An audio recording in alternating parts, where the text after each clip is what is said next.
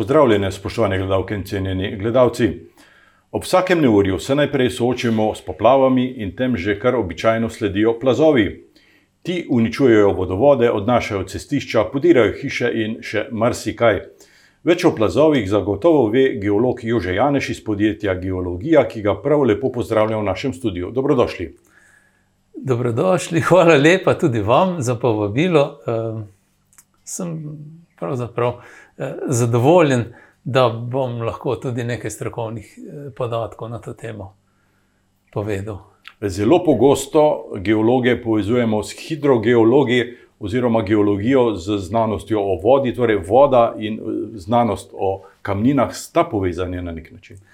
Vsekakor sta povezani. Hidrogeologija je geologija o podzemnih vodah in kot taka je del širše geološke stroke, ki geološka stroka pa seveda obravnava posebej kamnine, obnašanje kamnin v, v prostoru, tudi vse inženirske dejavnosti, ki so s tem povezane.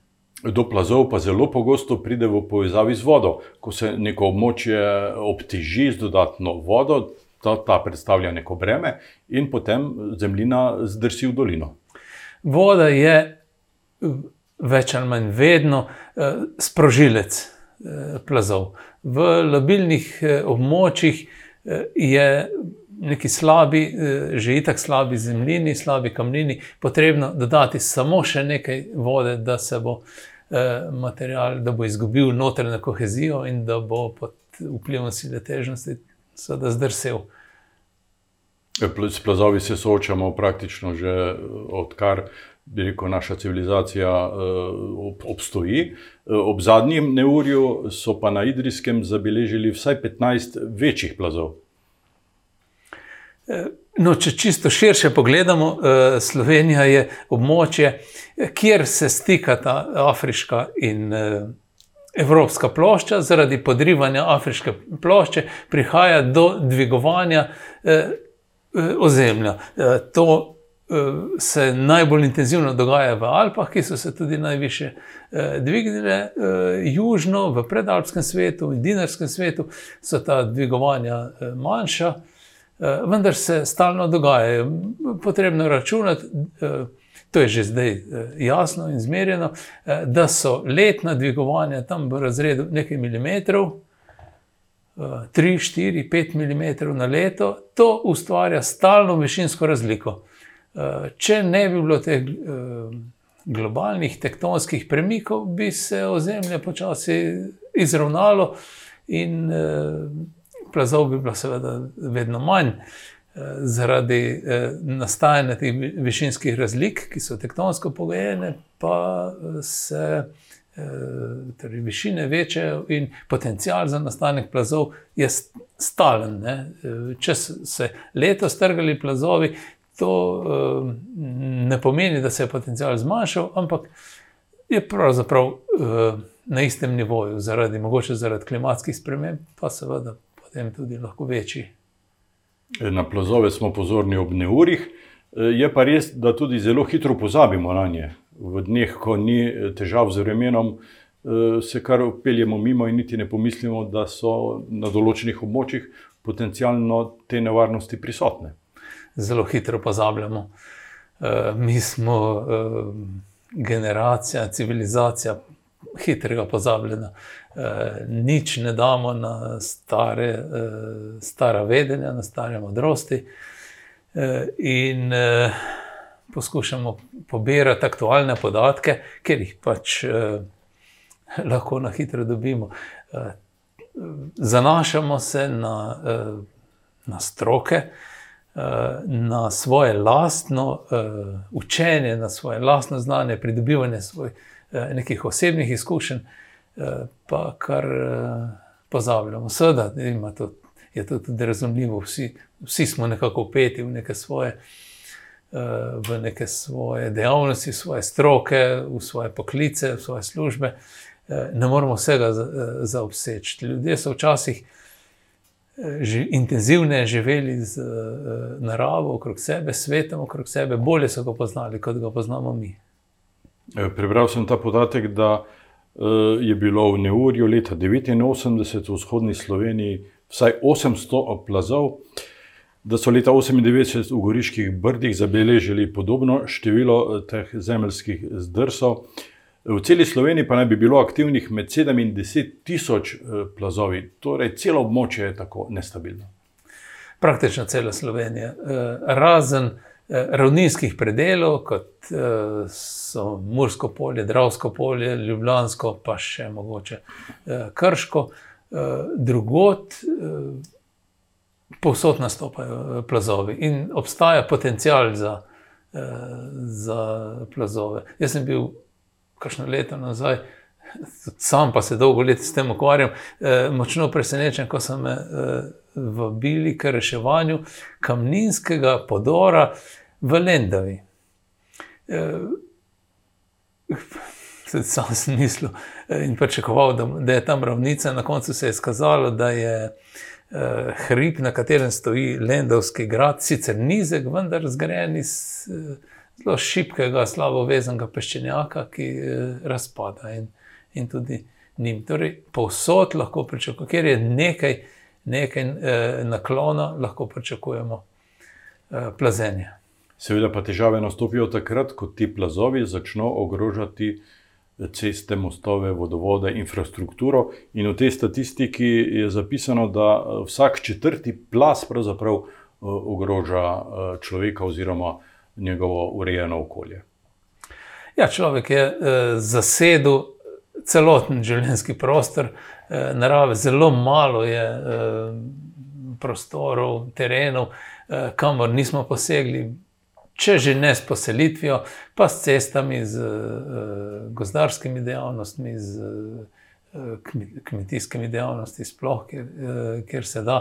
In s tem neminovno prihaja do konflikta z naravo. Mi bi si želeli, da bo teren, bi rekel, prijazen do nas, stabilen, da bomo tam lahko gradili, da bomo tam lahko kaj pridelovali in podobno, narava ima pa svoje zakonitosti. Poskušamo se ji prilagajati, ampak konflikt je pravzaprav vedno večji, ne. Vremenska dogajanja so pa pravzaprav sprožilec teh težav. Ja, vremenska dogajanja, predvsem močne padavine, so v, v praktično sto procentih ali pa mogoče kakšno desetinko manj, so sprožilec plazov.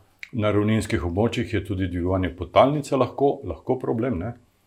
Na ravninskih področjih je lahko, so lahko površinske poplave, dvigovanje podtalnice.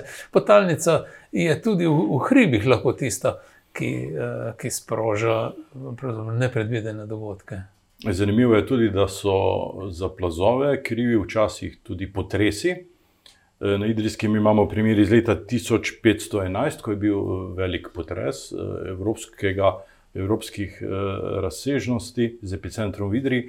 In leta tisoč petsto petindvajset je zdrsnil hrib za današnjim OMV bencinskim servisom in se je popeljal v Idrijco, zajezil reko.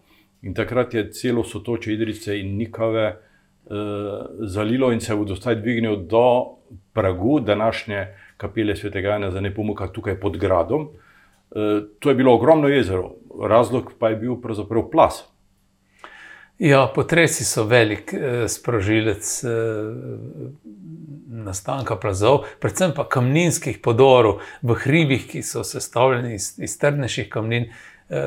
Ne govorimo o plazovih, ampak o kamninskih podorih. Ob potresu na Tolminskem petnajst let približno nazaj, ne, je se sprožilo veliko kamninskih, celi deli hribov so se, so se podrli, recimo v Koseču ali pa v Bovcu na planini Golobar, na primer, in podobno. Potresi se dogajajo stalno, ne, niso sprožilci samo tisti veliki potresi. Če malo spremljamo poročila Seizmološkega urada za seizmologijo, vidimo, da se potresi pri nas dogajajo vsak dan. Praktično vsak dan se nekje sproži manjši potres. Njihove posledice ocenjujemo potem so se ljudje prestrašili, se je mogoče kaj zatreslo, kakšno šipo počela in podobno. Eh, ne moramo pa ocenjevati vplivov teh malih potresov na zemljo, na, na stabilnost pobočji. In, uh, zagotovo so tisti redni, majhni potresi tudi v veliki meri uh, sprožilec ali pa uh, sodelujejo pri sprožitvi uh, teh plazov, ki jih imamo vse naokrog.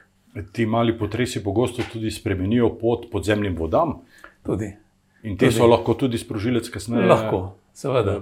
V glavnem se pa eh, rahlja, zemlja, oziroma kohezija zemljin in kamnin, uh, kar potem omogoča lažje zdrse. Zanimivo je, da naj bi na, na potrese vplivali tudi trki nebesnih teles. No, to pa nisem še slišal. to sem prebral na internetu in se mi zdi tudi meni zelo zanimivo. Ne, ne s tem nisem seznanjen. Eh, zaenkrat ne bi mogel eh, oceniti, ne vem, katere sile bi se lahko prenesla. No. Je, tako inženirsko je to sigurno težko dokazljivo. Težko. težko. E, vsekakor pa so posegi človeka na, v naravo, na, na krajino, e, izmerljivi in dokazani. Za večino, ja, ja, večino plazov je kriv človek. E, za večino plazov težko, je, poleg sedaj naravnih dogodkov, je kriv človek, predvsem pa je problem v, potem v škodi. Ne? Škoda nastaja samemu uh, torej človeku, ki je nekaj vlagal v, uh, v prostor, nekaj gradil. Ja, prostor je dragocen, tukaj v Brekah je strašno malo ravninskega prostora. Kako dopovedati potencijalnemu investitorju, da, želi, da želi graditi na poplavnem območju? Ja, tukaj je predvsem velika naloga eh, države, da vzpostavi eh, sistem, eh, da ga tudi nekako uveljavi, eh, širše infor, tudi informira ljudi, da so eh, zaščitni ukrepi eh, glede tega potrebni. Kot smo rekli na začetku, zelo hitro pozabljamo, in čez nekaj let bo tudi ta ujma, leta 2023, pozabljena, spet bomo mislili, da se nam kaj podobnega ne more zgoditi, pa se zagotovo bo. Ne, Eh, gradbeniki danes eh, razpolagajo z zelo zmogljivimi eh, napravami, stroji, ki lahko zgradijo karkoli, praktično kjerkoli. To je huda skušnjava. Ja, to je huda skušnjava. Tehnično smo sposobni zgraditi karkoli, kar bo zdržalo potrese, poplave, plazove. Sedaj pa nismo vsi eh, enako ekonomsko močni, da bi, da bi si take ukrepe lahko eh, privoščili. Ne. Eh, zato eh, brez nekega, eh, nekega sistema, državnega sistema na nivoju države, eh, ne bo šlo. Eh, mi živimo v obdobju eh, projektov. Vse, kar delamo, vse eh, vrednotimo skozi projekte, skozi ceno teh projektov. In uh, upamo, da bomo z, z neko omejeno količino finančnih sredstev projekt tudi uh, uresničili. To se eh, zgodi, vendar projekti morajo biti varni na dolgi rok, na 25, na 50 let ali seveda več. Uh, tukaj pa nam uh, uh, hitro uh, popustijo uh, te meje, oziroma naša strogost, hitro se, se zmanjša.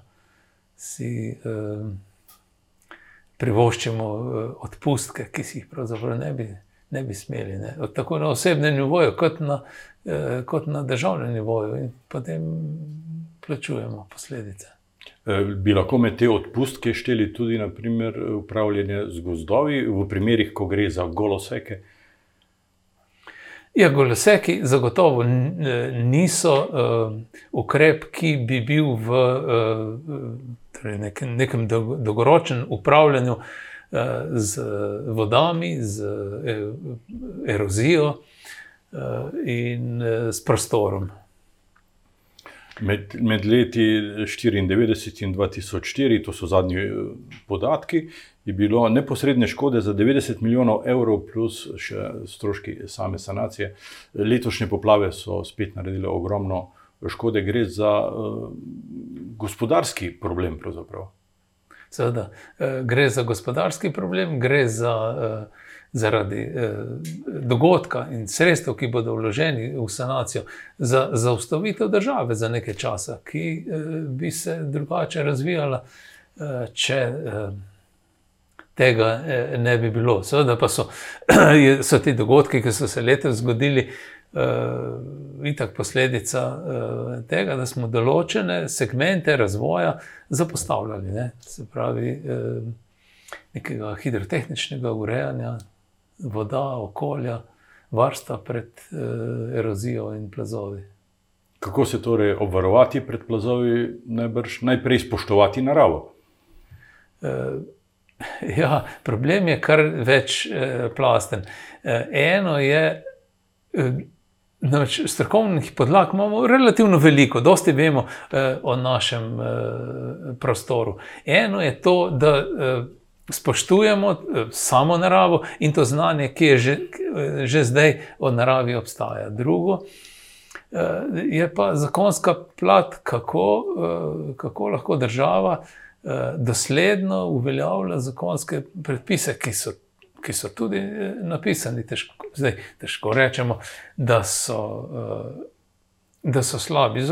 Mislim, stoprocentno noben zakon ne bo nikoli Eh, deloval, pokrival vseh segmentov, eh, ki bi jih eh, lahko. Ampak praksa izmikanja, iskanja luken v zakonodaji, tudi v, v primeru erozije, plazov, poplav, je pri nas stalna. Ne? Gradnja objektov na poplavnih območjih, na območjih potencijalne erozije, to je, od, to je ena od slabih rešitev. Ne?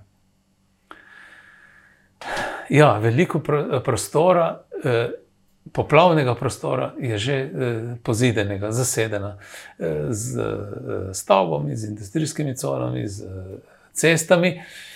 Žal je to razlog in argument, da tudi nove posege zopet načrtujemo in gradimo na poplavnih področjih. Češ, če so pred leti lahko gradili, bomo uh, lahko gradili tudi sedaj. Ne? Pri tem gre tudi za prelaganje odgovornosti, kdo je pravzaprav tisti. Ali bi vodari morali opraviti uh, svoje naloge, čistiti vodotoke, vzdrževati vodotoke, uh, zadrževati plavine. Ali neke druge dejavnosti ne bi smele posegati v prostor, te razmejitve niso čisto jasne, dodelane. Eh, vsak, seveda, eh, se bori za svoj prostor eh, pod soncem, in tukaj mora država stalno usklajevati no, interese in zmožnosti, ki jih imamo, ker finančno nismo neskončno bogati, da bi si lahko vse proščili. Ja, to vsekakor ne. V Vidri imamo enega največjih potencijalnih plazov, to je celoten smukov Girič ta bi se eh, ob drugačnem zapiranju rudnika lahko pripeljal v središče Idrije, če bi te kamnine škrilovce zalili z vodo. Zato še vedno se iz rudnika črpa voda in se bo verjetno črpala še desetletja in stoletja. Stalno se bi moral uh, črpati. Ne? To je uh, torej, desni breg uh,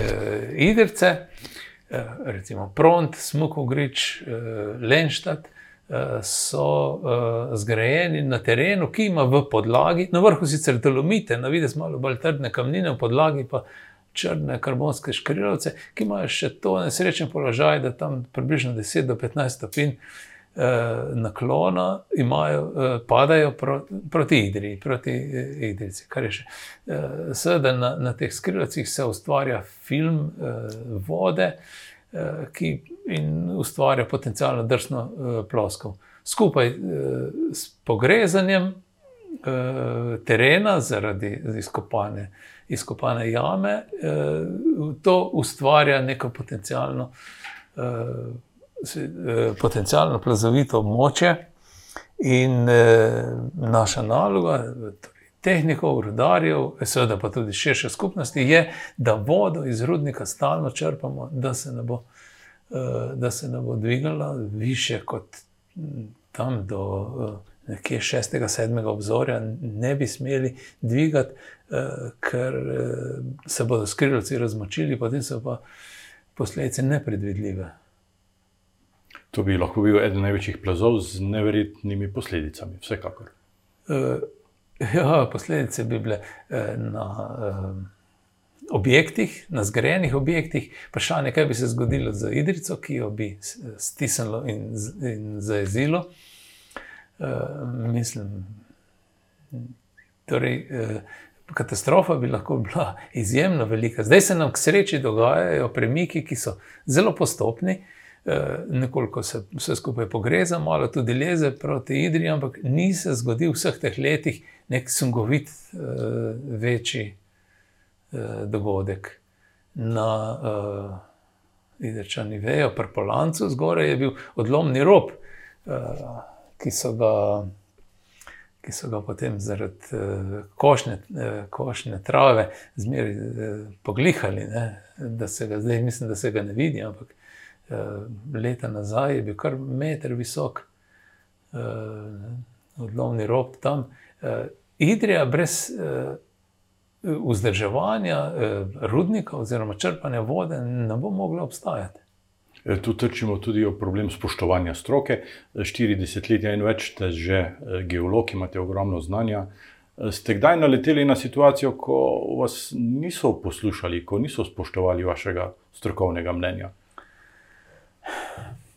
Ma to eh, težko rečem, zdaj se ne bom spomnil tako. Seveda pa so pri, dobesedno pri vsakem projektu pritiski na eh, omilitev eh, pogojev, na omilitev eh, ukrepov.